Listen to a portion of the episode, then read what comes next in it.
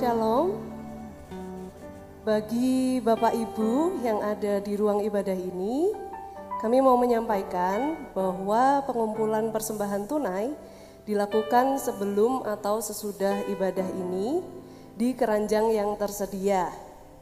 Hanya persembahan cashless yang dimungkinkan saat liturgi persembahan berlangsung demi mencegah mobilitas di ruang ibadah ini. Demikian pengumuman kami, selamat beribadah.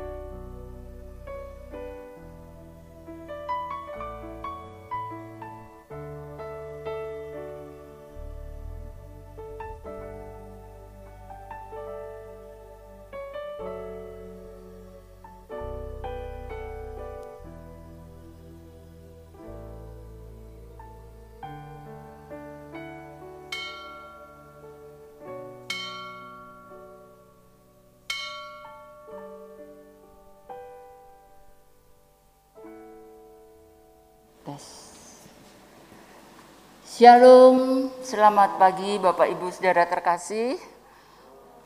Majelis Jemaat GKI Gejayan menyampaikan selamat datang dan selamat beribadah kepada Bapak Ibu yang hadir beribadah pada saat ini, juga kepada jemaat di mana pun berada yang mengikuti ibadah secara live streaming. Mari kita mempersiapkan diri dan hati kita untuk mengikuti ibadah pada hari ini. Jemaat terkasih, bersama ini kami hendak menginformasikan beberapa hal sebagai berikut, mohon perhatiannya. Yang pertama, kelas pembinaan pranikah online dibuka kembali pada bulan November 2021 dilaksanakan setiap hari Sabtu yaitu pada tanggal 6, 13, 20, dan 27 November 2021. Setiap peserta wajib mengikuti seluruh materi sesuai jadwal yang telah disebutkan tadi. Pendaftaran dapat dilakukan via WA maupun nomor telepon kantor gereja pada setiap jam kerja. Yang kedua, persekutuan alumnus GKI Gejayan dilaksanakan pada hari Senin tanggal 25 Oktober 2021 pukul 19 WIB secara online melalui Zoom. Yang ketiga, Persekutuan Khusus Lansia Hana Simeon dilaksanakan pada hari Selasa 26 Oktober 2021 pukul 10 WIB melalui YouTube dan Zoom.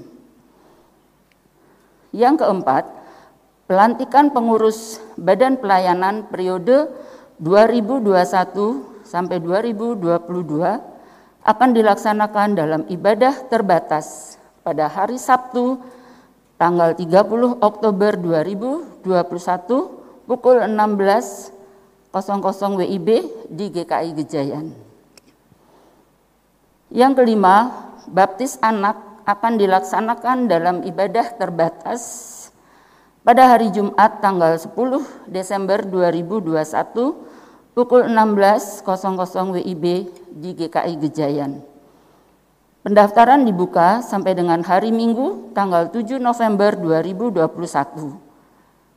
Baptis, dewasa, dan sidi akan dilaksanakan dalam ibadah terbatas pada hari Sabtu tanggal 18 Desember 2021 pukul 16.00 WIB di GKI Gejayan. Pendaftaran dibuka sampai dengan hari Minggu tanggal 21 November 2021. Jadwal percakapan pastoral akan kami informasikan menyusul. Yang keenam, berkaitan dengan pelaksanaan ibadah umum, maka mulai tanggal 7 November 2021 jemaat dihimbau untuk memakai masker KN95 atau sesuai aturan pemerintah double masker yaitu bisa double masker kesehatan atau masker kesehatan dengan masker kain tanpa face shield. Face shield dan masker, masker kesehatan hanya dipakai oleh petugas ibadah saja. Yang ketujuh, pertukaran pelayan kebaktian GKI Klasis Jogja akan dilaksanakan dalam ibadah umum pada hari Minggu tanggal 31 Oktober 2021. Dalam ibadah ini akan ada persembahan khusus dana kebersamaan klasis. Kami mengharapkan partisipasi dari jemaat. Yang kedelapan dalam ibadah hari ini akan dilayankan penyegaran janji pernikahan. Yang kesembilan, tim gebetan mengajak partisipasi jemaat untuk dapat membantu saudara-saudara kita yang terpapar COVID-19 berupa paket vitamin isoman, paket konsumsi isoman, dukungan layanan kesehatan bagi yang sangat membutuhkan, dan paket bahan pangan. Bagi jemaat yang rindu berbagi, dapat berpartisipasi dalam bentuk barang maupun dana. Dan yang ke-10, jemaat dapat melihat warta jemaat dan katalog tetulung secara lengkap dengan melihat akun atau link media sosial GKI Gejayan.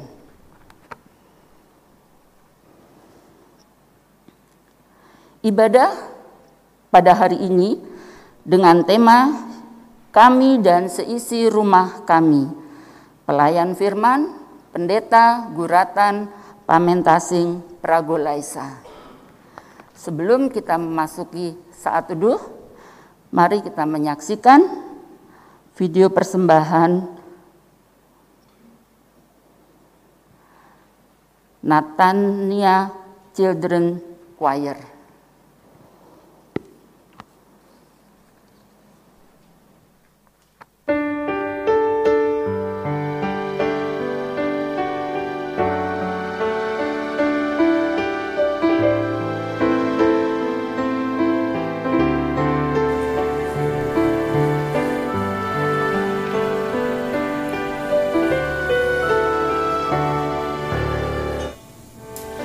Shalom.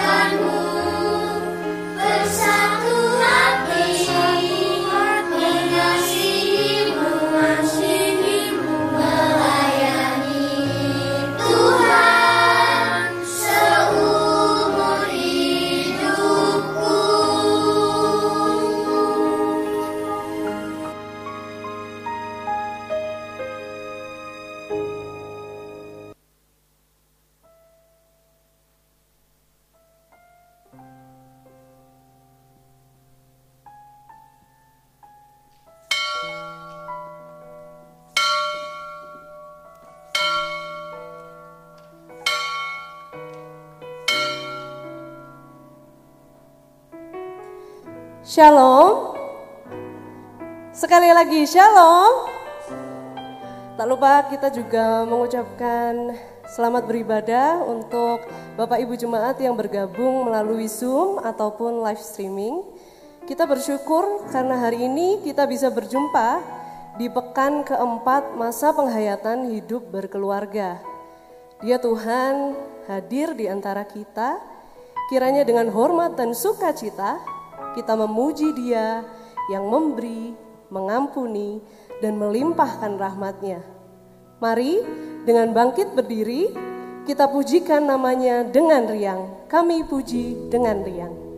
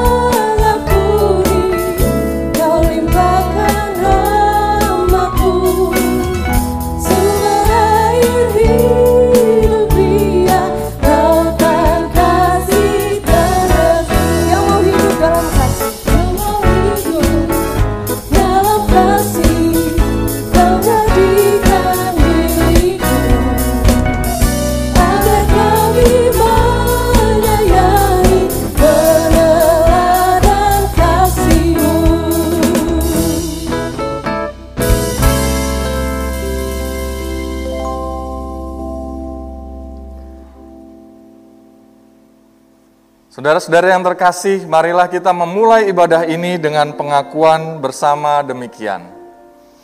Pertolongan kita adalah di dalam nama Tuhan yang menjadikan langit dan bumi, yang kasih setianya tetap untuk selama-lamanya, yang memelihara umat manusia di tengah pergumulan dan goncangan kehidupan. Amin. Avenu shalom aleihim Avenu shalom aleihim Avenu shalom aleihim Avenu shalom shalom shalom aleihim Ku bawa berita sejahtera.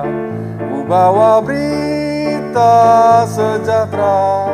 Ku bawa berita sejahtera Ku bawa berita, berita, berita sejahtera.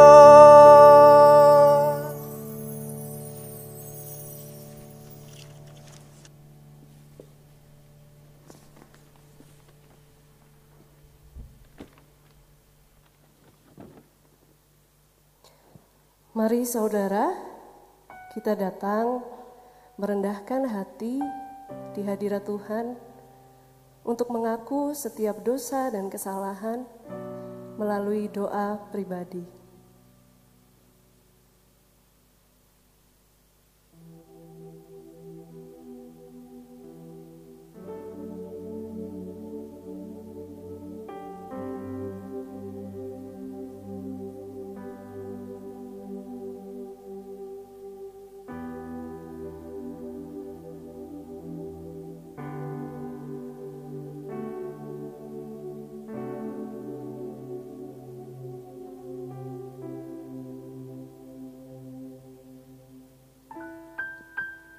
Bapa, kami kembali menghadap kehadirat-Mu.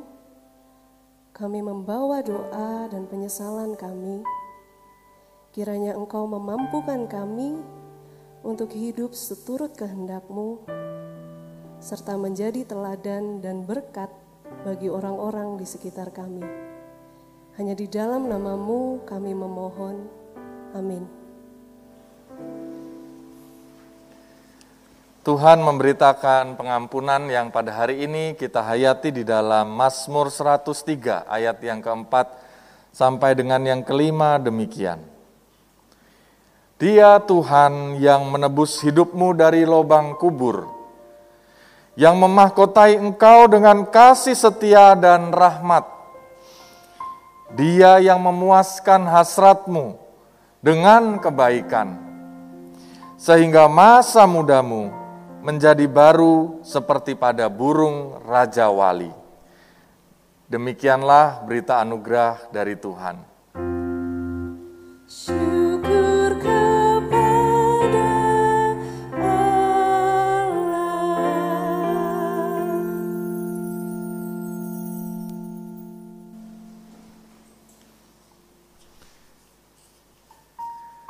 Shalom Bapak Ibu Saudara yang terkasih.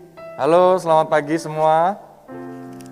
Selamat pagi baik yang ada di gedung gereja ini dan kita sudah mulai melihat bahwa gereja kita saat ini sudah bisa melakukan ibadah onsite ya. Tentu ini sukacita bagi kita walaupun masih dengan situasi bahwa kita harus menjaga protokol kesehatan ya. Tapi kita sudah cukup gembira ya hari-hari ini kita sudah bisa beribadah. Bahkan juga kita beribadah dengan Bapak Ibu Saudara yang ada di dalam Zoom ya, beribadah secara hibrid. Nah, coba kita lihat. Ini ada Bapak Ibu Saudara yang di rumah nih ya. Ada Bapak Fajar, ada Bapak Sardi dan Ibu Eli ya. Lalu ada Ibu Frida, I, Pak David dan Ibu Dok, David Doko ya. Lalu ada Pak Wahyu ya. Lalu Ibu Deti Sipahutar. Nah, yang dua nih saya mohon maaf di layar ini kurang terlihat ya. Jadi kalau memunculkan kamera mungkin nanti jadi lebih tahu ya. Tulisannya kurang jelas. Selamat pagi Bapak Ibu semua yang ada di Zoom. Apa kabarnya Bapak Ibu semua? Ya, uh, suaranya belum terdengar ya. Mudah-mudahan ya. Selamat pagi Bapak Ibu. Pagi. Pagi. Wah. Apa kabarnya Bapak Ibu semua? Baik, Pak Ustaz. Baik. Puji Tuhan ya. Jadi ada yang ibadah di gereja, ada yang ibadah di rumah, semua bersemangat ya. Nah, Bapak Ibu Saudara, pagi hari ini kita merenungkan sebuah tema yaitu kami dan seisi rumah Selamat kami. pagi Pak Osa. Selamat pagi Bapak ya. Selamat pagi Pak. Eh, ya. Kita merenungkan firman Tuhan itu tentang kepemimpinan Allah dalam rumah tangga. Nah, jadi mewakili Bapak Ibu Saudara sekalian ini ada Pak Sardi dan Ibu Eli ya yang bersama-sama kita ini. Wah. Ini di mana nih Bapak Ibu nih beribadahnya? Ya mohon maaf Pak, jadi kalau di rumah tidak ada sinyal kita cari harus cari di luar Pak. Wah luar biasa ya. Cari wifi sekaligus ini sepertinya mengenang anu ya kemesraan ini. Kalau pacaran kayaknya dulu di mobil ini ya. Ya. Nah Pak Sardi, Bu Eli, kami mau tanya nih terkait dengan tema. Kira-kira kalau merenungkan tentang kepemimpinan Allah dalam rumah tangga, itu apakah Pak Sardi dan Bu Eli itu kalau dipimpin Tuhan itu selalu serasi baju eh, kehidupannya ya, nggak pernah bertengkar, bajunya selalu sama setiap hari gitu ya. Apa seperti itu atau pernahkah bertengkar gitu? Apakah selalu harmonis? Eh, begini Pak, kita memang selalu seragam ya Pak. Di, di antara pastri-pastri itu kita terkenal seragam gitu loh. Tapi bukan berarti dalam kehidupan sehari-hari juga seragam terus, enggak. Pasti ada pergumulan, salah pahaman, itu pasti terjadi. Nah di situ kita mengandalkan Tuhan sebagai penasehat agung kita. Kita harus gimana sih gitu loh. Apalagi di tengah perjalanan kami yang belum dikaruniai momongan. Jadi ke mana-mana kami berdua, otomatis ya dalam suka duka pun kami harus berdua seperti itu. Dan pastinya mengandalkan Tuhan sebagai uh, penasihat kami, begitu ya Pak. Oh ya, jadi eh, bukan nggak pernah bertengkar ya, bahkan ada pergumulan juga yang masih anu ya didoakan bahwa belum punya momongan, padahal mungkin sudah menikah eh, sekian lama begitu ya. Iya Pak. Nah, eh, kalau begitu dari pergumulan itu pimpinan Tuhan itu dirasakan seperti apa sih Pak Sardi dan Bu Eli? Mungkin kan eh, sebagai pasangan suami istri merindukan pasangan, ada pandangan dari orang-orang, ada eh, kata-kata dari orang tua, "Ma- mana nih cucuku gitu ya. Nah dari itu semua bagaimana mengimani kepemimpinan Tuhan dalam situasi yang eh, masih belum terjadi dari yang diharapkan itu? Ya. Ya intinya uh, kami berdua percaya Pak bahwa dalam kehidupan kami berkeluarga ini Tuhan punya rencana yang terbaik. Mau dibawa seperti apa keluarga ini seperti itu. Dan uh, dalam janji- uh, waktu kami menikah doa kami adalah bahwa keluarga ini adalah keluarga yang nantinya kami berharap ini adalah keluarga yang menjadi berkat tidak hanya bagi keluarga kami tetapi juga bagi keluarga besar kami dan juga eh, sama sama. Nah, dengan pedoman itu bahwa ketika Tuhan sampai dengan saat ini belum mengaruniakan anak dalam keluarga kami, eh, kami yakin dan percaya bahwa Tuhan punya rencana yang terbaik untuk kamu. Seperti itu Pak Osa. Baik, jadi eh, meskipun masih menantikan, tapi bukan berarti tidak percaya Tuhan itu begitu sayang ya, begitu memberkati gitu ya. Jadi dalam segala sesuatu yang masih dipergumulkan tetap merasakan pimpinan Tuhan dan berkat Tuhan. Ya. Baik, terima kasih sekali Pak Sardi dan Ibu Eli untuk sharingnya pagi hari ini. Kiranya memberkati kita semua ya, baik yang ada di rumah maupun yang ada di gedung gereja ini. Selamat hari Minggu, Tuhan memberkati. Selamat beribadah, Pak Sardi dan Ibu Eli. Ya. Iya, Pak Ya, baik. Saudara-saudara, di dalam ibadah ini kita juga membuka kesempatan bagi kita semua, baik yang ada di sini maupun yang ada di rumah, untuk mengirimkan pokok doa ya. Jadi ibadah ini memang dilakukan secara hybrid ya, yang ada onsite maupun yang secara online. Jadi kalau Bapak Ibu mengikuti pada saat ini mungkin melalui Zoom, melalui YouTube, nah sampaikan pokok doa itu supaya dicatat oleh tim ibadah dan akan kita doakan nanti di dalam doa syafaat ya untuk dapat kita menghayati kepemimpinan Tuhan dalam rumah tangga kita.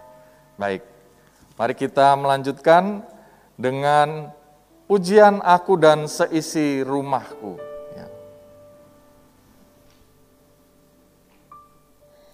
Keluarga adalah lingkaran terkecil di mana kita boleh mulai menyatakan kasih Tuhan, saudara di mana dalam keluarga kita ada hati-hati yang boleh bersatu, melayani, memuliakan, dan mengandalkan Tuhan. Mari menyatakan kesungguhan kita dan memujikan aku dan seisi rumahku.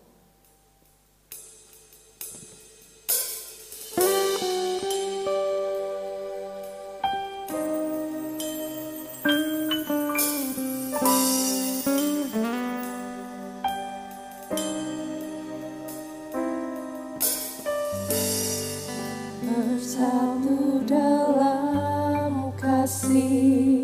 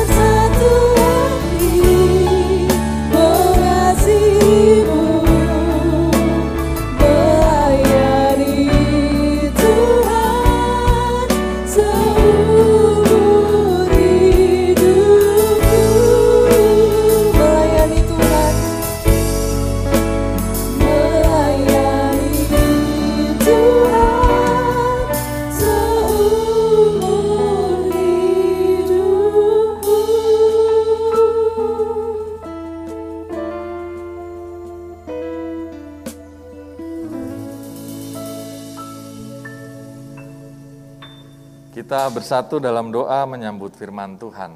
Kita menundukkan diri di hadapan Tuhan. Kami dan seisi rumah kami memuji memuliakan namamu, menyembahmu.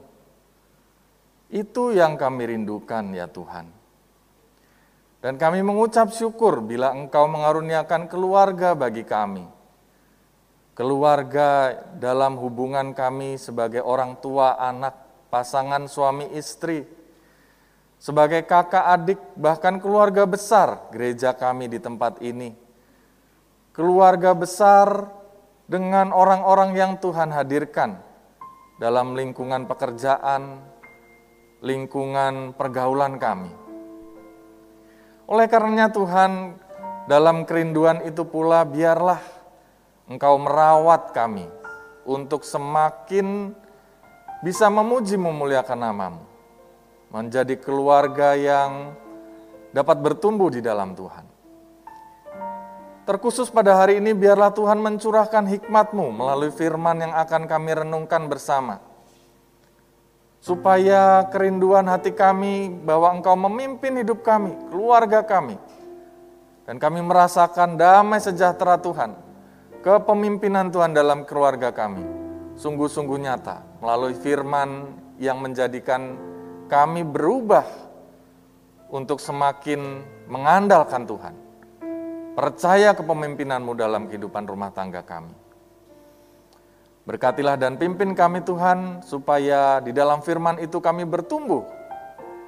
Semakin serupa dengan Kristus, semakin erat dengan Kristus, dan semakin memuliakan nama Tuhan. Bersabdalah ya Tuhan, kami siap untuk menjadi pelaku firman, dan kami siap menyambut hari baru, di mana keluarga kami memuji, memuliakan nama Tuhan. Di dalam Kristus kami berdoa dan bersyukur. Amin.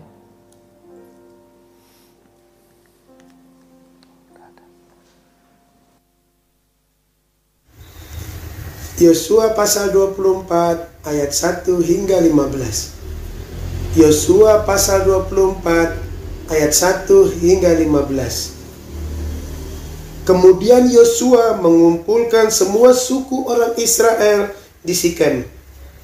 Dipanggilnya para tua-tua orang Israel, para kepalanya, para hakimnya, dan para pengatur pasukannya. Lalu mereka berdiri di hadapan Allah. Berkatalah Yosua kepada seluruh bangsa itu, Beginilah firman Tuhan Allah Israel.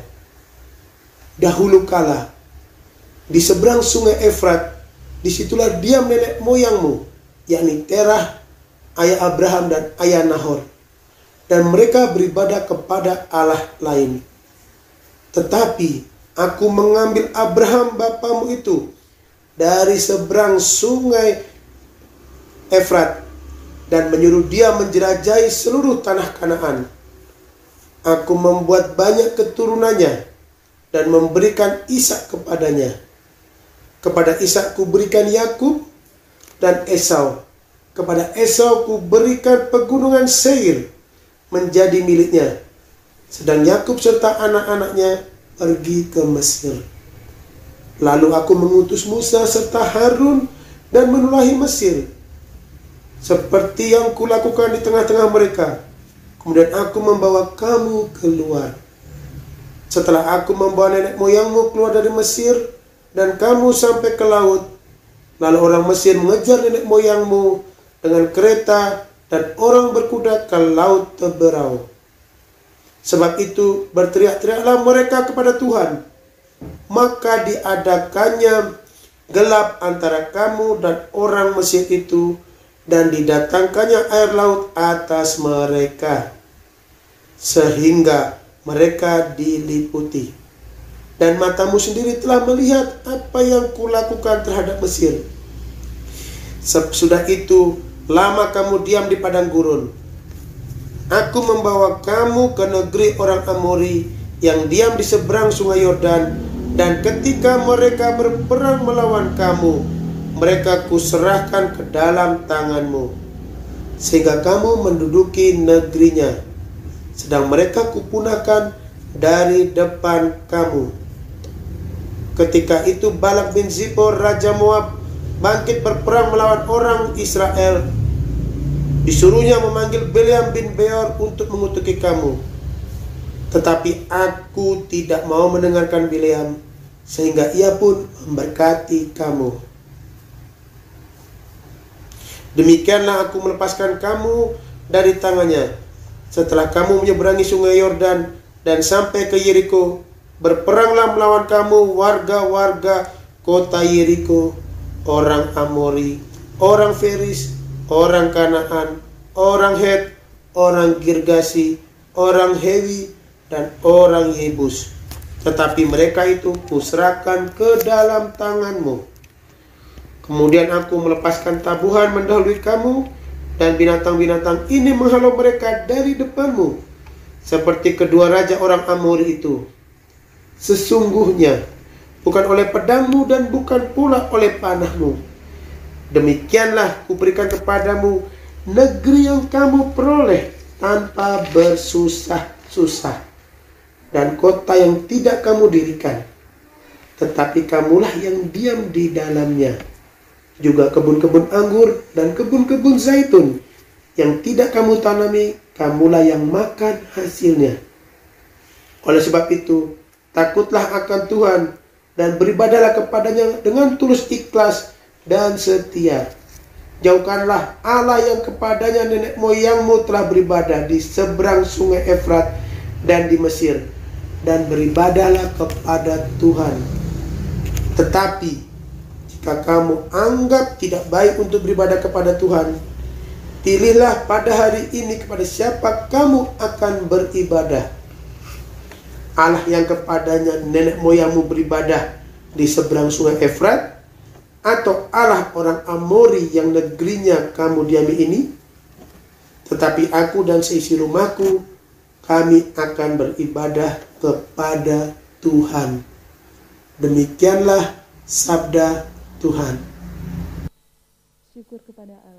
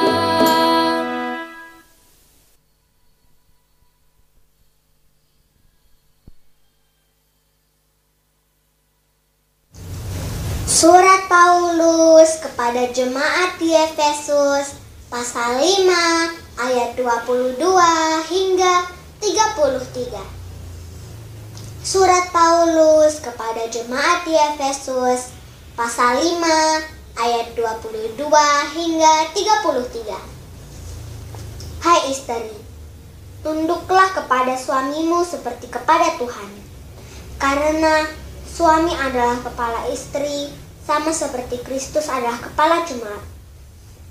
Dialah yang menyelamatkan tubuh. Karena itu, sebagaimana jemaat tunduk kepada Kristus. Demikian jugalah istri kepada suami dalam segala sesuatu. Hai suami, kasihilah istrimu sebagaimana Kristus telah mengasihi jemaat dan telah menyerahkan dirinya baginya. Untuk menguduskannya sesudah ia menyucikannya dengan memandikannya dengan air dan firman. Supaya dengan demikian ia menempatkan jemaat di hadapan dirinya dengan cemerlang, tanpa cacat atau kerut atau yang serupa itu. Tetapi supaya jemaat kudus dan tidak bercela, demikian juga suami harus mengasihi istrinya sama seperti tubuhnya sendiri.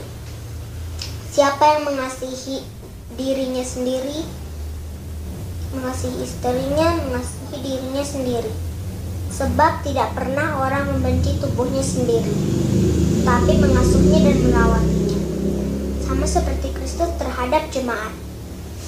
Karena kita adalah anggota tubuhnya. Sebab itu, laki-laki akan meninggalkan ayahnya dan ibunya dan bersatu dengan istrinya, sehingga keduanya itu menjadi satu daging. Rahasia ini besar, tetapi yang aku maksudkan ialah hubungan Kristus dan jemaat. Bagaimanapun juga, bagi kamu masing-masing berlaku, kasihilah istrimu seperti dirimu sendiri, dan istri hendaklah menghormati suaminya. Demikianlah firman Tuhan, berbahagialah setiap orang yang mendengar firman Tuhan, menyimpan dalam hati, dan melakukannya setiap hari. Haleluya.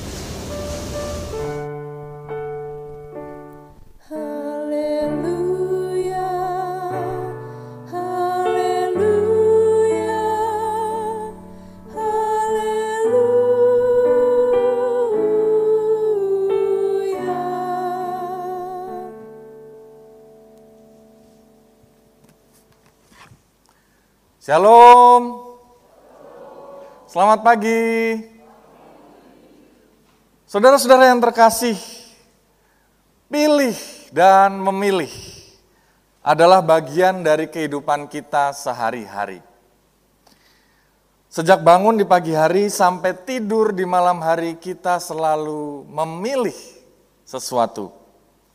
Alarm berbunyi, ayam berkokok, di sanalah kita sudah mulai memilih. Apakah kita segera bangun atau menarik selimut kita kembali? Apalagi saat ini kita ada dalam situasi kita harus lebih banyak di rumah. Muncullah godaan bagi kaum rebahan, ya. Ada satu ekspresi yang mengatakan demikian ya dalam pilihan hidup itu. Pengennya jogging, olahraga, berjemur, tapi apa daya? Daya tarik kasur itu lebih kuat. Dia memeluk saya erat-erat, ya. Ternyata bukan hanya lagu balonku ya yang suka memeluk erat-erat. Ternyata kasur pun di situasi pandemi senang memeluk kita erat-erat. Nah saudara, ada lagi kata-kata konon katanya begini, masa gravitasi bumi itu 9,807 M per S kuadrat gitu ya. Tapi tahukah kita bahwa masa gravitasi kasur itu 99 triliun 9999999,9999 M per S kuadrat ya. Ternyata gaya gravitasi kasur itu 10 triliun lebih kuat daripada gaya gravitasi bumi ya. Nah, Saudara, inilah cerita-cerita yang mencerminkan bahwa hidup kita ini selalu diperhadapkan pada pilihan ya. Untuk bergerak lebih baik atau stay untuk menjadi yang lebih baik perlu pengorbanan, perlu satu komitmen, perlu kesediaan diri. Ya. Karena saudara, memang pilih memilih terjadi setiap hari, setiap waktu. Ketika bangun, ya kita teringat, wah saya janji mau mengawali hari dengan doa, baca firman, eh jam berapa ini? Waduh, udah mau kuliah lagi ya. Nah, oh saya janji hari ini mau diet ya. Ah nggak apa-apa, kan kata slogan diet itu selalu dimulai besok ya. Jadi besok aja, besoknya juga demikian saudara ya. Nah, ketika kita bangun pagi kita juga bisa mengambil waktu teduh, waktu untuk kita membaca firman Tuhan atau selalu mengambil handphone kita, lalu memenuhi pikiran kita untuk bisa membaca, membalas chat WA, lalu juga melihat sosial media kita dan selanjutnya. Itulah hidup itu selalu dipenuhi dengan pilihan. Kali ini, kali ini saudara, pilihan itu menjadi lebih serius ketika kita membaca firman Tuhan dalam kisah bangsa Israel bercakap-cakap dengan Yosua. Pada saat itu Yosua menyodorkan satu pilihan yang sangat mendasar bagi kehidupan umat Israel. Pilihlah kata kata Yosua. Pada hari ini kepada siapa engkau akan beribadah? Ya. Kepada Allah yang kepada nenek moyangmu beribadah di sungai Efrat? Atau Allah orang Amori yang negerinya kamu diami ini? Tetapi aku dan seisi rumahku kami akan beribadah pada Tuhan. Nah saudara, mengapa Yosua memberikan satu pilihan yang sangat mendasar ini? Rupa-rupanya pada saat itu bangsa Israel memang telah sempat memilih jalan serong. Mereka menyembah ilah-ilah lain di tanah Kanaan ya. Mereka memanjatkan upacara religius yang sangat kejam dan menjijikkan. Mengapa? Karena pada saat itu mereka terjerumus dalam ritus-ritus lokal yang amat rendah. Di seluruh wilayah itu mereka kemudian seperti melakukan pelacuran baik wanita maupun pria. Dan bagi kepercayaan itu saat itu, itu adalah sesuatu hal yang dilegalkan. Mereka diperbolehkan pergi ke tempat-tempat yang demikian, mempersembahkan kurban bayi kepada para berhala. Berhala. Dan semua perilaku bertentangan dengan hak asasi manusia dan juga kesusilaan manusia. Oleh karena itulah saudara, Joshua yang pada saat itu ya di usia hampir 110 tahun, hampir ia mengakhiri hidupnya atau kehidupannya itu uh, berpulang kepada Tuhan. Hari-hari terakhir dia. Sebenarnya bisa tidak Yosua ini kemudian merasa bahwa sudah cukup antara saya dengan Tuhan. Bangsa ini memang bebal, tetapi saya diselamatkan. Ya. Tentunya dia bisa melakukan hal itu. Tetapi sebagai seorang yang mencintai bangsanya, dia kemudian mengajak bangsa Israel untuk mengingat kasih pemeliharaan Tuhan sejak semula. Bahwa memang Allahnya leluhur Abraham menyembah ilah-ilah lain di sungai Efrat ya. Jadi Allah yang dimaksudkan tadi ini sebenarnya Allah leluhurnya Abraham. Memang bangsa ini menyembah ilah lain ya, Allahnya orang Amori. Dan kamu bebas melakukan itu semua, tapi ingatlah Tuhan yang menyelamatkan Abraham, memberikan keturunan seperti bintang di langit dan pasir di pantai menyelamatkan dan membuat bangsa Israel bertahan dalam kekeringan melalui Musa, melalui Yakub, melalui Musa membebaskan bangsa Israel dari perbudakan dan menyeberang laut Teberau dan menjadikan bangsa Israel memiliki tempat di tanah Kanaan. Sehingga saudara dengan demikian mereka diingatkan untuk melihat bahwa kasih Allah itu lebih nyata daripada kesenangan yang mereka rasakan sesaat pada saat-saat itu. Dan dengan demikian Yosua menyadari bahwa ia ingin bangsanya sadar akan keselamatan yang dari Allah itu. Yosua ingin merasakan bahwa keluarga besarnya itu bukan hanya aku dan seisi rumahku, tetapi juga bangsaku, tetapi juga kalian semua yang Tuhan kasihi. Pertanyaannya saudara, apakah kita pun juga terpanggil demikian dalam hidup sesehari kita? Apakah kita juga mau menjadi contoh, menjadi teladan dengan mengatakan bahwa meskipun di dunia ini memiliki satu dan banyak hal yang menyenangkan di luar Tuhan, tetapi aku dan seisi rumahku akan mengikut Tuhan dengan setia. Tetapi aku dan seisi rumahku ingin mengajak semua orang, bangsa ini, teman-teman dan kerabat untuk merasakan bahwa cinta kasih Tuhan yang memelihara kita itu melebihi segala kesenangan dunia yang sesaat kita rasakan. Nah dengan demikian saudara, kita melihat pelajaran yang pertama dari bacaan ini adalah bahwa Yosua ingin mengajarkan bahwa peribadahan kita pada Tuhan pertama-tama justru muncul pada peribadahan secara horizontal. Bahwa peribadahan itu bukan hanya antara saya dan Tuhan. Tetapi ketika Yosua meletakkan hatinya pada bangsanya. Tetapi ketika Yosua memperlihatkan kesetiaan pada keluarga intinya. Bahkan pada kaum bangsanya.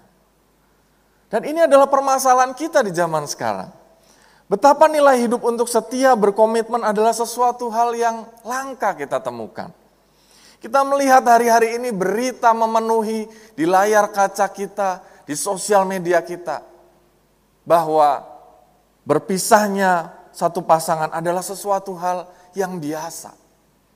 Saya pernah membaca satu survei ya, yang valid yang mengatakan bahwa dalam satu jam itu ada sekitar 50 pasangan yang mengakhiri rumah tangga mereka. Ya. Dan betapa kita bersedih melihat ini semua. Ya. Dan di sanalah sebenarnya mulai dari kita menjalin pasangan itu dari kekasih hati. Dalam hubungan suami istri, kita dipanggil untuk menjadi setia, merawat, menerima apa adanya. Ya. Ada satu cerita satu kali ada jin yang ingin mengabulkan permintaan seorang pemuda. Ia bercakap-cakap ya dengan pemuda itu. Jin itu berkata ya, aku beri satu permintaan, monggo ya. Lalu pemuda ini berkata, saya atau aku kepengen punya naga.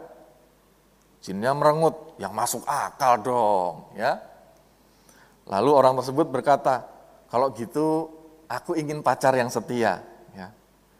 Lalu jin itu berkata sambil berpikir, sesudah berpikir ya, ya udah, lu mau naga warna apa ya?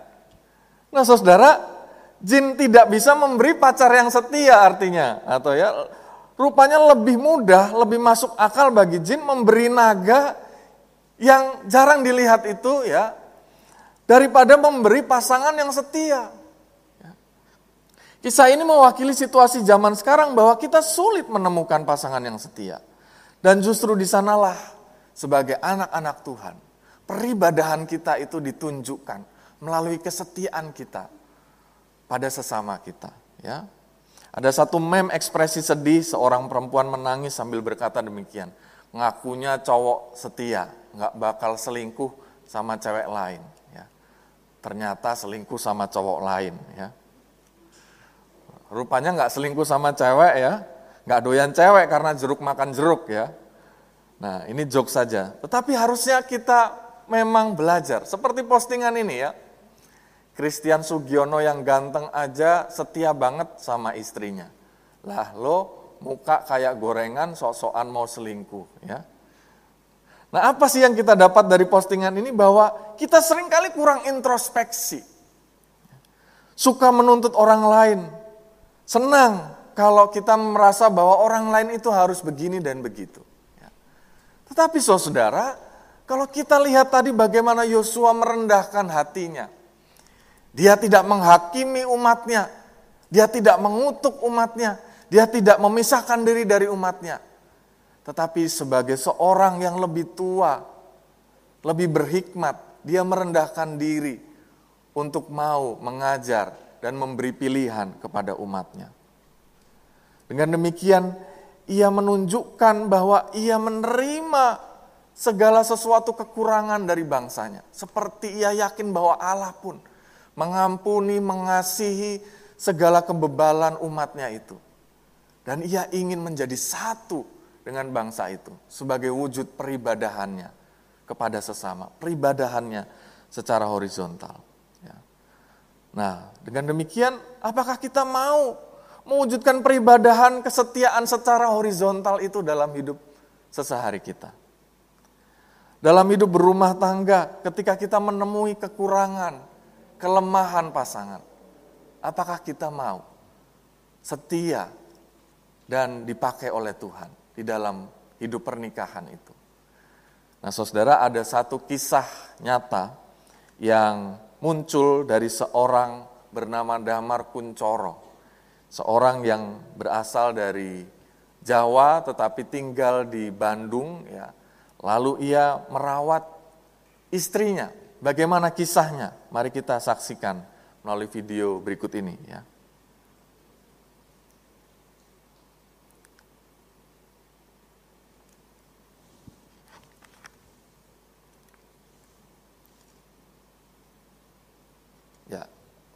Audionya bisa diputar. Punya apa-apa, cuma kesetiaan. Kisah kesabaran seorang suami merawat istrinya yang sedang sakit viral di media sosial. Dengan sabar, sang suami memenuhi segala kebutuhan sang istri yang tengah sakit. Kisah itu dibagikan oleh Damar Kuncoro melalui akun Facebook miliknya ia kerap kali mengunggah berbagai aktivitas yang dilakukannya selama merawat sang istri yang tengah sakit. Setiap hari, Damar dengan sabar memandikan sang istri yang sedang sakit. Usai memandikan, ia menyuapi sang istri yang terkulai lemas di kasur. Tak hanya memenuhi kebutuhan istri, Damar juga mengerjakan beberapa pekerjaan rumah lainnya seperti mencuci baju. Ia juga merawat sang anak yang baru berusia tiga tahun. Untuk menyambung hidup dan membiayai pengobatan sang istri, Damar berjualan teh tarik di pinggir jalan. Damar mengakui ia tak memiliki harta berlimpah untuk membiayai pengobatan sang istri. Meski demikian, ia mengaku memiliki kesetiaan dan akan senantiasa menyayangi dan merawat sang istri hingga ajal memisahkan. Dalam beberapa foto yang diunggah, tampak sang istri menjalani pengobatan di rumah sakit. Ada banyak cairan memenuhi rongga perutnya hingga perutnya membesar. Sudah lebih dari 15 kali penyedotan cairan dilakukan oleh sang istri. Sang istri tampak begitu kurus, tulang di tubuhnya begitu menonjol saking kurusnya. Kisah suami dengan sabar merawat istri dan anaknya yang masih balita itu mencuri perhatian publik. Banyak warganet memanjatkan doa untuk kesembuhan sang istri dan memberikan dukungan untuk Damar.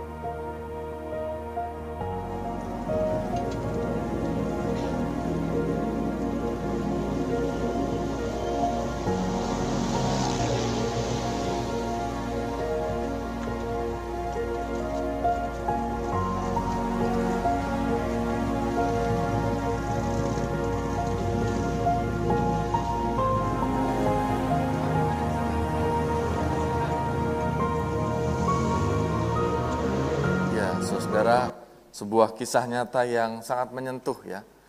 Seorang suami yang merawat istrinya selama 8 tahun karena sakit asites, kelebihan cairan dalam rongga perut. Istrinya sudah tidak secantik dahulu. Kita melihat foto perbandingannya tadi. Sang istri tidak dapat melayani seperti sedia kala, tetapi sang suami tetap setia. Ya. Dan video tadi diposting tanggal 3 Mei 2021 ini.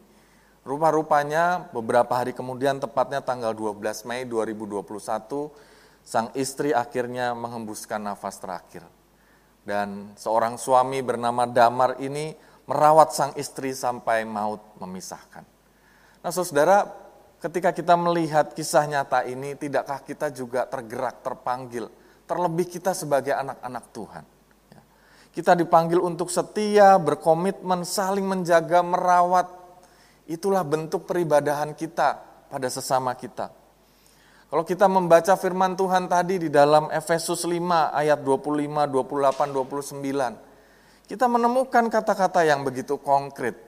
Bagaimana Rasul Paulus mengatakan, "Hai suami, kasihilah sebagai kasihilah istrimu sebagaimana Kristus telah mengasihi jemaat dan telah menyerahkan dirinya baginya." Ayat 28, demikian juga suami harus mengasihi istrinya sama seperti tubuhnya sendiri. Siapa yang mengasihi istrinya mengasihi dirinya sendiri. Sebab tidak pernah orang membenci tubuhnya sendiri tetapi mengasuh dan merawatinya sama seperti Kristus terhadap jemaat. Nah, Saudara, kita melihat bahwa ketika kita itu setia dalam kelemahan, dalam keterbatasan ya seperti janji pernikahan itu dalam susah maupun senang, kelebihan atau kelimpahan maupun kekurangan ya, dalam sehat maupun sakit, Sebenarnya kita menghadirkan Kristus di tengah-tengah keluarga kita. Sebenarnya keluarga kita dapat melihat Kristus melalui cinta kasih yang kita bagikan itu. Ya. Apakah kita mau mewujudkan peribadahan secara horizontal itu untuk menyampaikan, memperlihatkan Kristus yang mengasihi kita di tengah-tengah keluarga kita.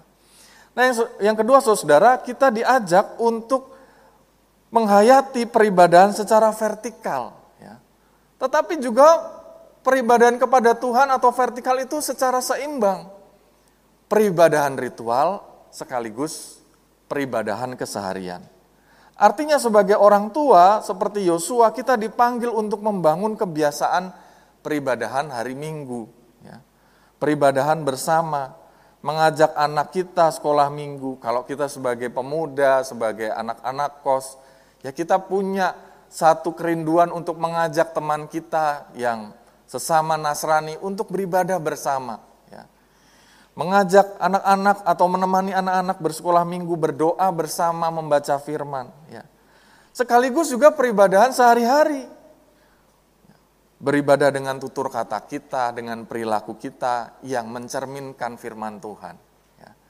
Ketika menemui masalah, justru kita merasa bahwa di sanalah kita sedang beribadah pada Tuhan. Di sanalah kita ingin memperlihatkan bahwa iman yang nyata mengandalkan Tuhan ini menjadi satu kesaksian bagi hidup kita sendiri, bagi keluarga kita, bagi banyak orang.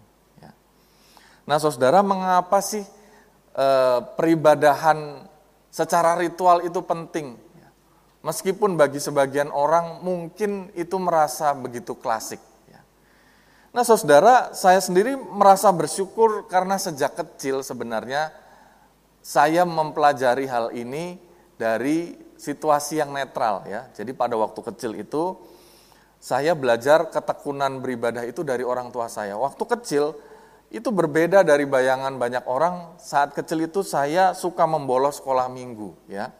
Orang tua saya pergi ke gereja, saya asik nonton kartun Doraemon ya, Power Rangers, Dragon Ball ya dan seterusnya ya. Jadi kalau ditanya sama orang tua saya, tadi sekolah minggu enggak? Sekolah minggu, tapi saya sekolah sekolah minggu itu setor muka doang ya saudara. Masuk, ore-ore, langsung kabur ya. Lalu nonton di rumah. Waktu remaja saudara, saya itu malah istilahnya gembong untuk mengajak teman-teman saya itu tidak beribadah. Ya.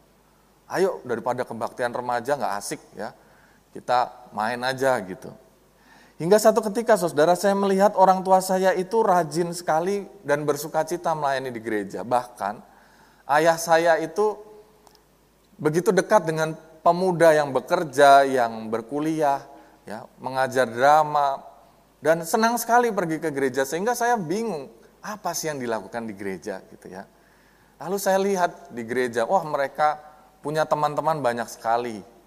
Lalu mereka itu membuat drama, film begitu ya. Lalu saya tertarik. Ya, sedikit demi sedikit saya diajak Nah, di situlah mulai tumbuh talenta saya, ya. Lalu juga pergaulan saya bersama dengan teman-teman, ya. Saya jadi memiliki banyak teman-teman. Lalu saya juga mulai bertumbuh di dalam iman, menyadari bahwa di sinilah saya menemukan damai sejahtera. Ya.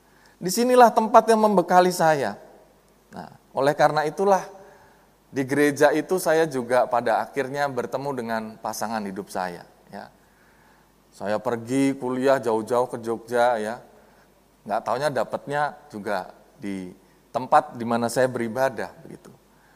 Nah satu kali kami bertemu, lalu kemudian kami menikah dan itu menjadi satu dasar ketika beberapa minggu lalu terasa sangat berat ketika keluarga besar kami itu menghadapi satu kenyataan bahwa ayah mertua saya itu berpulang. Tapi di tengah kesedihan itu kami merasakan satu sukacita atau satu kekuatan Tuhan luar biasa. Karena kami melihat ada banyak sekali sanak saudara teman ya, teman-teman di gereja itu datang berkunjung memberikan ucapan, mengikuti Zoom dari Jogja, dari GKI Gejayan ya. Dan itu menjadi satu kekuatan sendiri bagi kami. Mengapa banyak orang memberi perhatian dan menopang kami? Sebab kami percaya bahwa itu adalah keteladanan orang tua kami. Mereka melayani beribadah dengan sukacita, keduanya dalam zamannya mereka menjadi penatua berganti-gantian baik ayah saya maupun mertua saya. Sehingga contoh dan keteladanan mereka itu membuat kami begitu merasa diberkati. Ya. Dengan demikian saudara ketika ada ajakan, mari daftarkan saudara-saudara kita menjadi penatua dan ketika dikunjungi jangan kita merasa enggan dan tidak pantas ya. Tetapi kita rasakan ini sebagai panggilan dari Tuhan. Dan kita merasa bahwa peribadahan kita kepada Tuhan justru menjadi lebih nyata, baik secara ritual maupun dalam pergumulan kita sehari-hari. Nah, saudara, apakah kita mau dipakai oleh Tuhan? Bahkan dalam pergumulan yang berat, justru kita menemukan peribadahan ritual dan keseharian itu menjadi sesuatu yang menguatkan kita. Pergumulan-pergumulan kita itu sebagai bentuk peribadahan kita kepada Tuhan. Nah, saudaraku, Pernahkah kita tahu ada satu kisah yang menarik ya? Kita bisa melanjutkan ke slide berikutnya. Ya. Ada satu jubah yang sangat fenomenal tahun 2018 itu terjual dengan angka 1,6 miliar rupiah. Nah, ini adalah angka yang paling tinggi di antara eh, kostum-kostum superhero lainnya yang pada waktu itu dijual ya. Nah, kostum ini adalah kostum Superman. Nah, kenapa ini menjadi begitu fenomenal? Ternyata bukan hanya sekadar bahwa ini kostum yang banyak dikenal oleh masyarakat.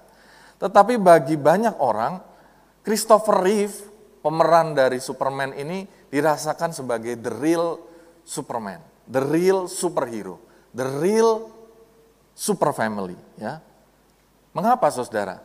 Nah, cerita berasal dari ketika Christopher Reeve ini mengikat janji dan mulai beribadah kepada Tuhan di tahun 92 bersama dengan istrinya.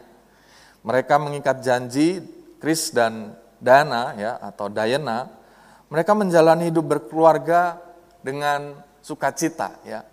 Sampai tiga tahun berselang, ternyata Chris mengalami kecelakaan saat ia mengikuti lomba berkuda.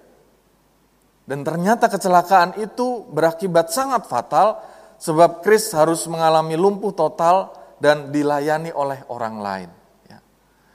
Nah tetapi saudara, alih-alih mereka mengeluh, ya, meninggalkan Tuhan, Chris justru bertanya, meminta petunjuk Tuhan, apa yang Tuhan ingin kerjakan dalam keluarganya, dalam hidupnya. Dan di kecelakaan itulah justru menjadi titik awal Kris sungguh-sungguh beribadah kepada Tuhan. Memakai sisa waktu hidup mereka untuk Tuhan. Pada akhirnya mereka mendonasikan, menggalang dana untuk membangun satu yayasan penelitian tulang belakang. Supaya tidak ada lagi orang-orang yang bergumul seperti mereka. Supaya tahun-tahun ke depan, bahkan setelah mereka menutup mata, banyak orang yang bisa tertolong. Ya.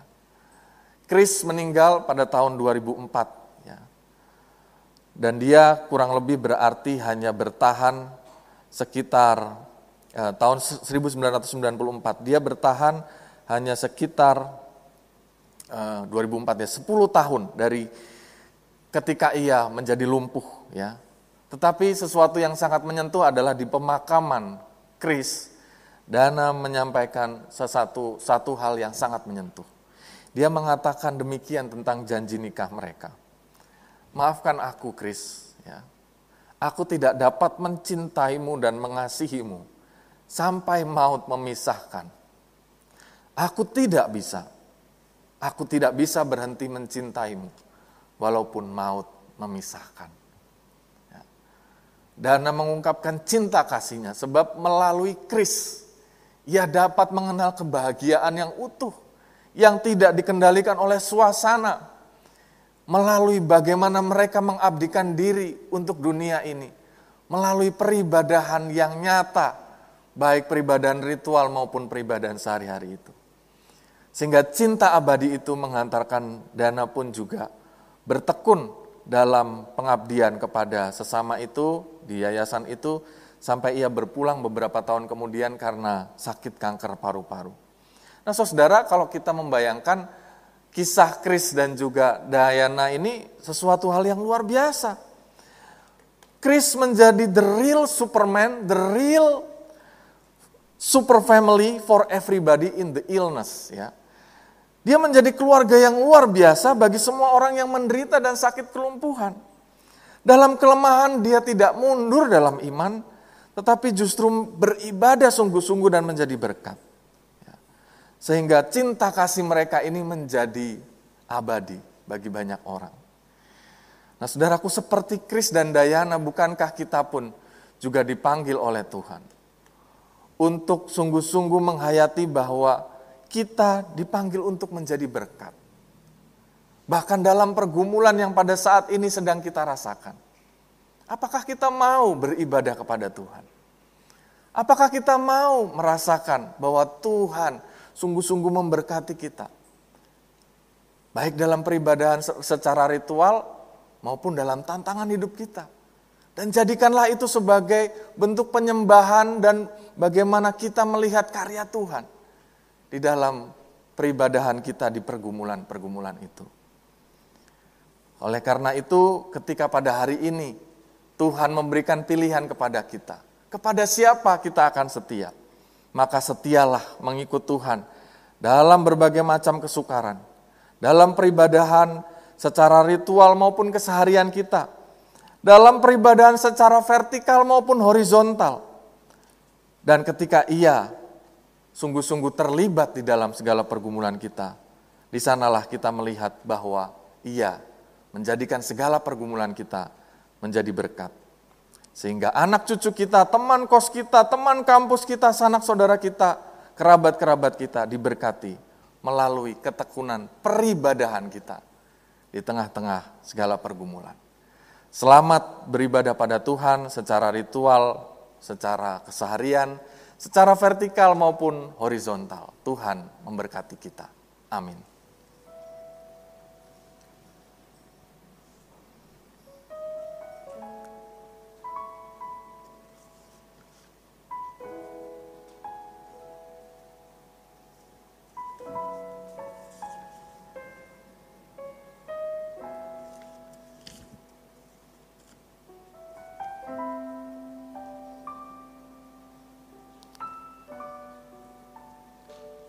Saudara, pada saat ini dengan firman yang sudah Tuhan sampaikan kepada kita, kita juga ingin melakukan satu penyegaran janji pernikahan.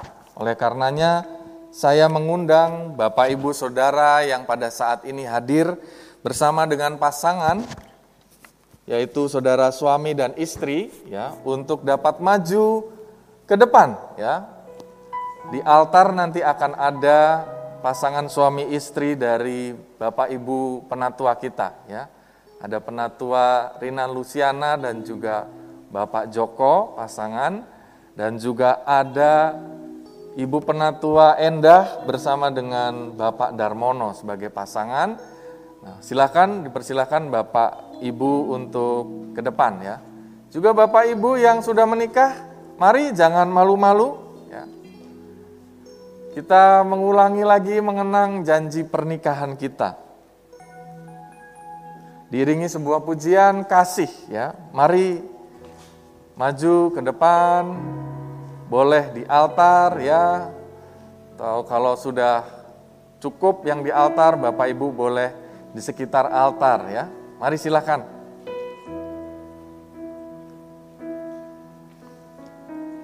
Ya.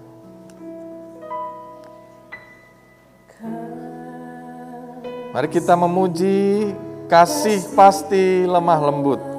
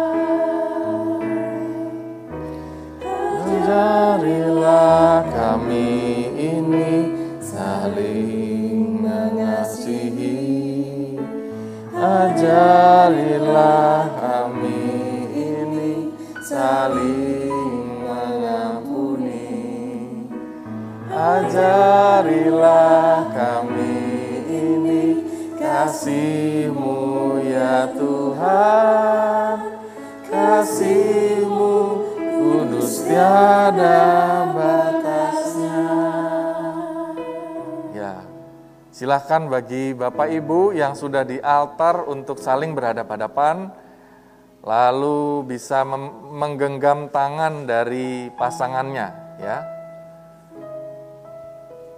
Ya, bisa diatur bacaannya jika memungkinkan tim multimedia akan membantu menayangkan tulisannya juga. Ya. Pertama-tama marilah para suami ya memandang para istri ya, memandang istri masing-masing maksudnya ya. Jadi bukan istri banyak orang. Nanti jadi bingung ya.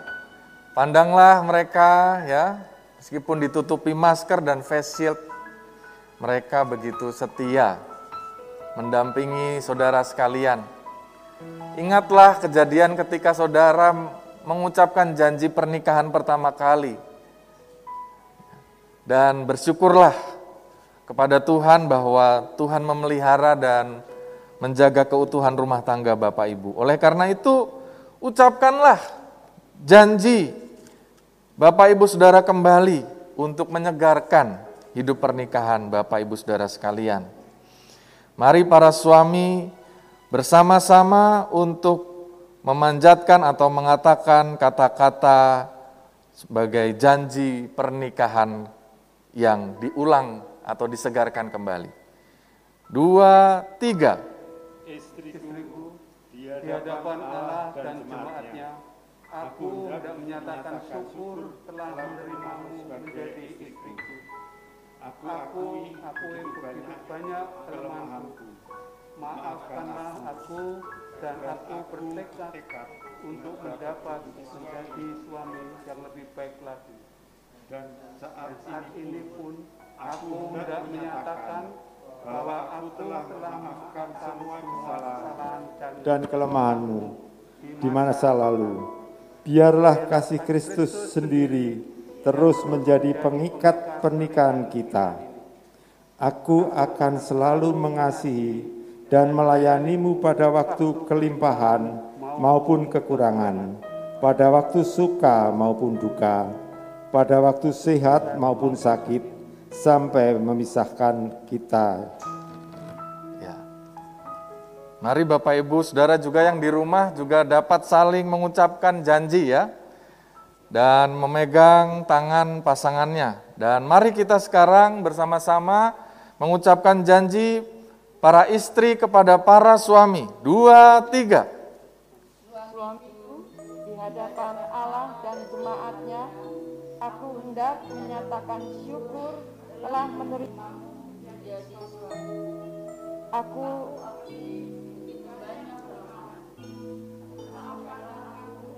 dan aku hendak bertekad untuk dapat menjadi istri yang lebih baik lagi. Dan saat ini pun aku hendak menyatakan bahwa aku telah memaafkan semua kesalahan dan kelemahanku di masa lalu. Biarlah kasih Kristus sendiri yang terus menjadi pengikat pernikahan kita ini. Aku akan selalu mengasihi dan melayanimu pada waktu kelimpahan maupun kekurangan, pada waktu suka maupun duka, pada waktu sehat maupun sakit, sampai kematian memisahkan kita. Kiranya janji itu dapat meneguhkan kembali relasi pernikahan dalam kehidupan Bapak Ibu Saudara dan mari kita menerima berkat Tuhan untuk kehidupan keluarga Bapak Ibu Saudara dan kita semua. Allah yang maha murah memenuhi saudara berdua, pasangan suami istri, dengan anugerah dan berkatnya yang melimpah dan memperkenankan saudara berdua untuk hidup bersama sebagai suami istri dalam kesucian, kesetiaan, dan pengampunan dalam damai sejahtera Tuhan yang selalu menyertai. Amin.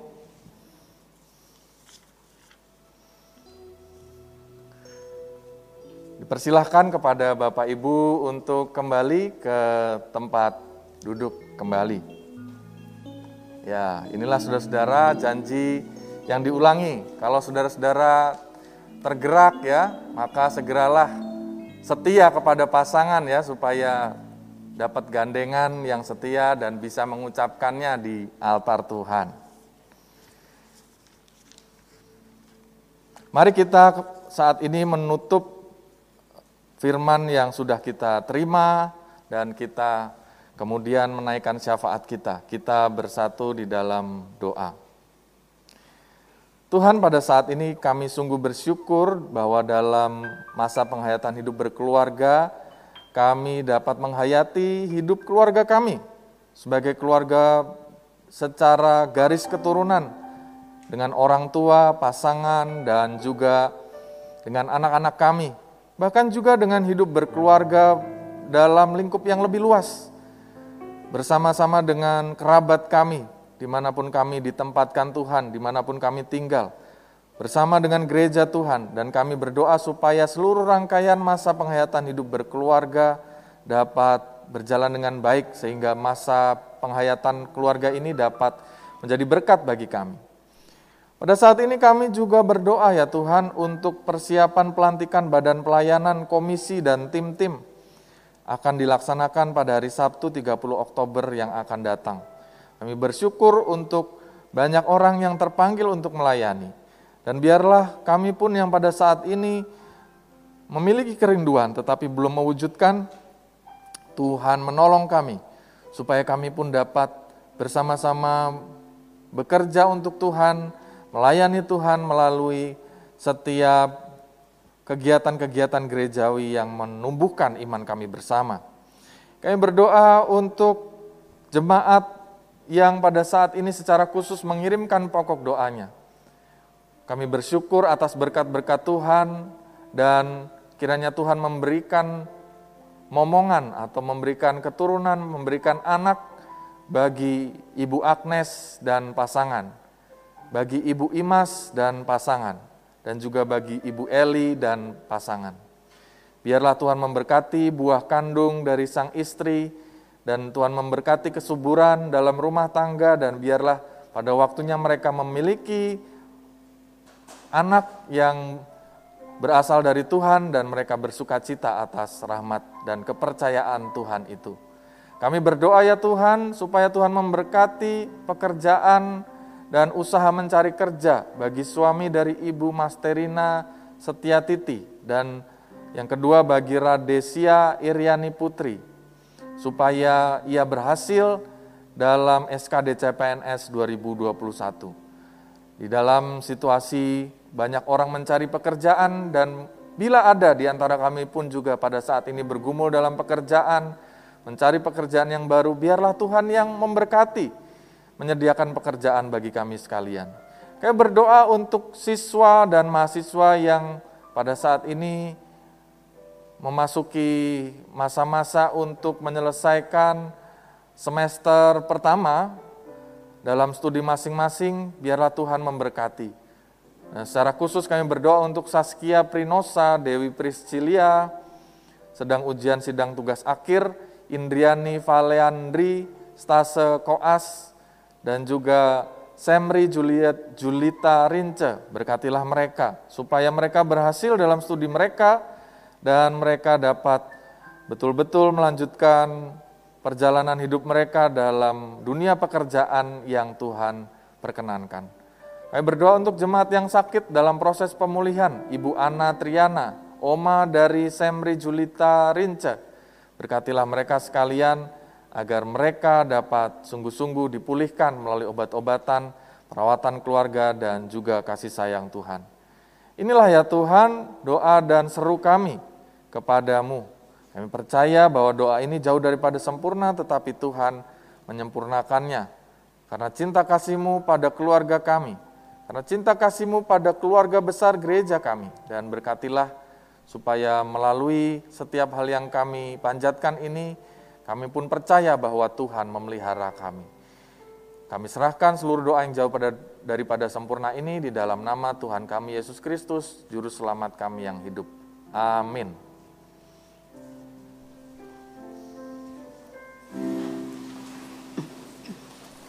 Jemaat terkasih, mari kita kembali mengikrarkan bersama pengakuan iman rasuli yang demikian.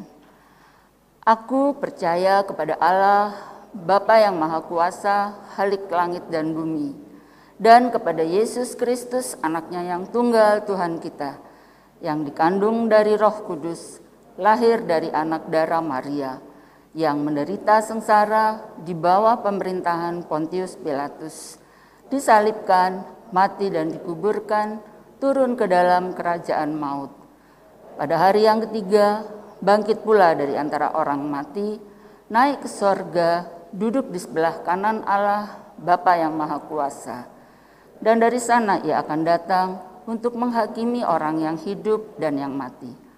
Aku percaya kepada roh kudus, gereja yang kudus dan am, persekutuan orang kudus, pengampunan dosa, kebangkitan orang mati, dan hidup yang kekal.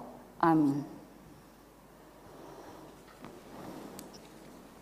Jemaat terkasih, kita bersama-sama diberi kesempatan untuk mengungkapkan syukur kita melalui persembahan yang akan kita kumpulkan. Dalam kesempatan ini kami menghimbau mempersilahkan jemaat untuk scan barcode QRIS di bangku jemaat. Sedangkan persembahan tunai, jika Bapak Ibu ingin memberikan persembahan tunai dapat diberikan ketika masuk ruang ibadah atau nanti pada saat pulang keluar ruang ibadah. Ayat yang mendasari persembahan kita dari 2 Korintus 8 2 Korintus 8 ayat 2 yang demikian bunyinya. Selagi dicobai dengan berat dalam berbagai penderitaan, sukacita mereka meluap. Dan meskipun mereka sangat miskin, namun mereka kaya dalam kemurahan. Mari Bapak Ibu kita memberikan persembahan yang terbaik untuk Tuhan. Tuhan Yesus memberkati.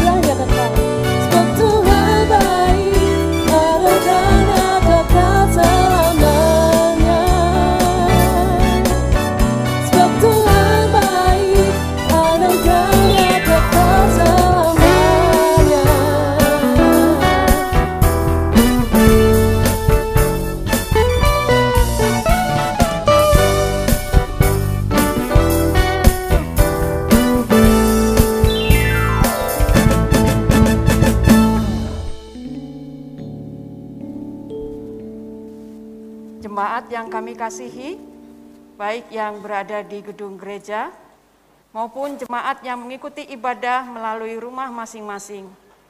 Marilah kita mengungkapkan ucapan syukur kita melalui doa.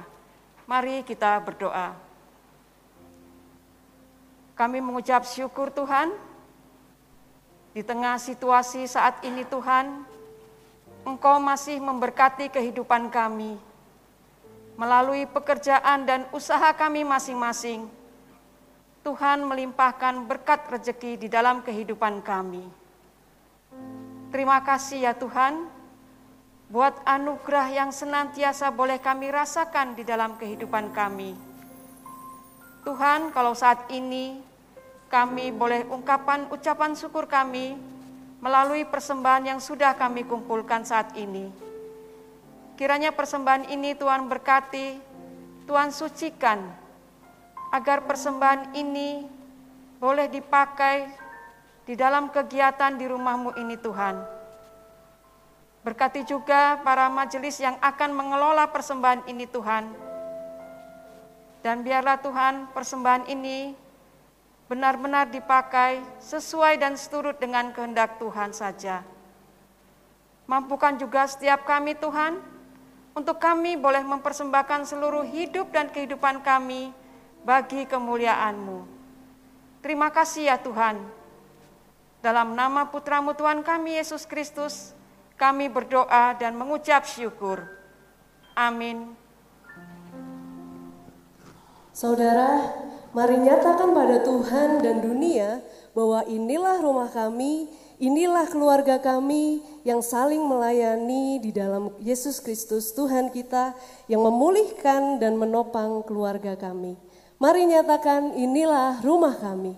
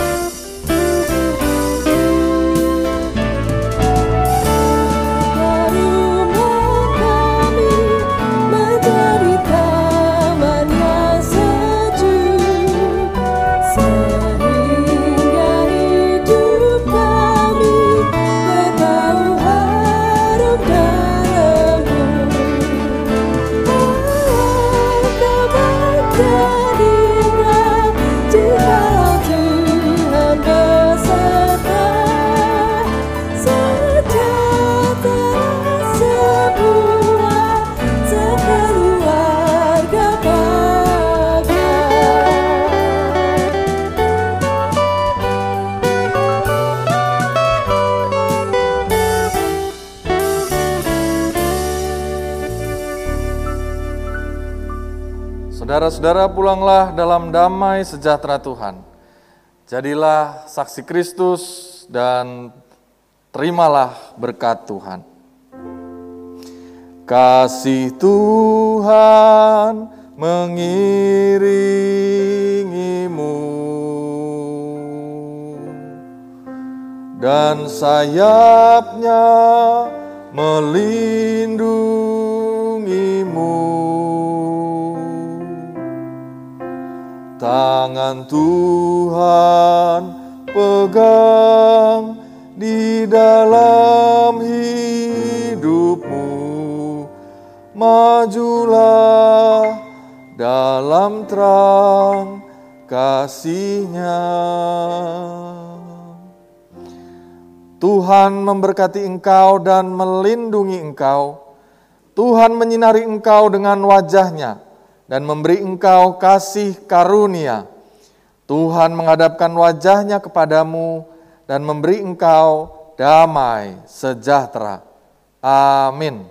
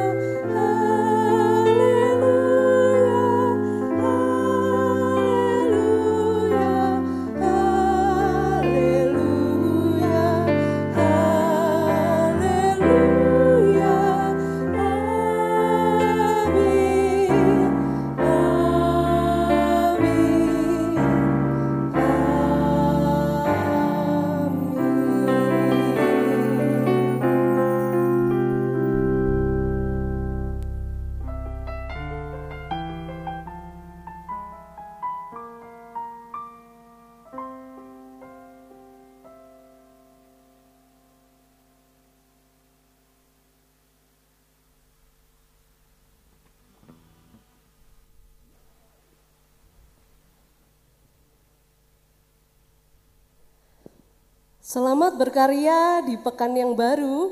Tuhan Yesus memberkati saudara sekalian.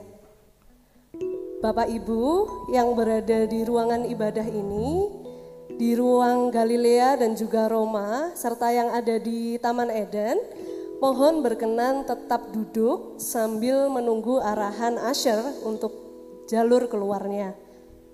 Selamat hari Minggu, Tuhan Yesus memberkati.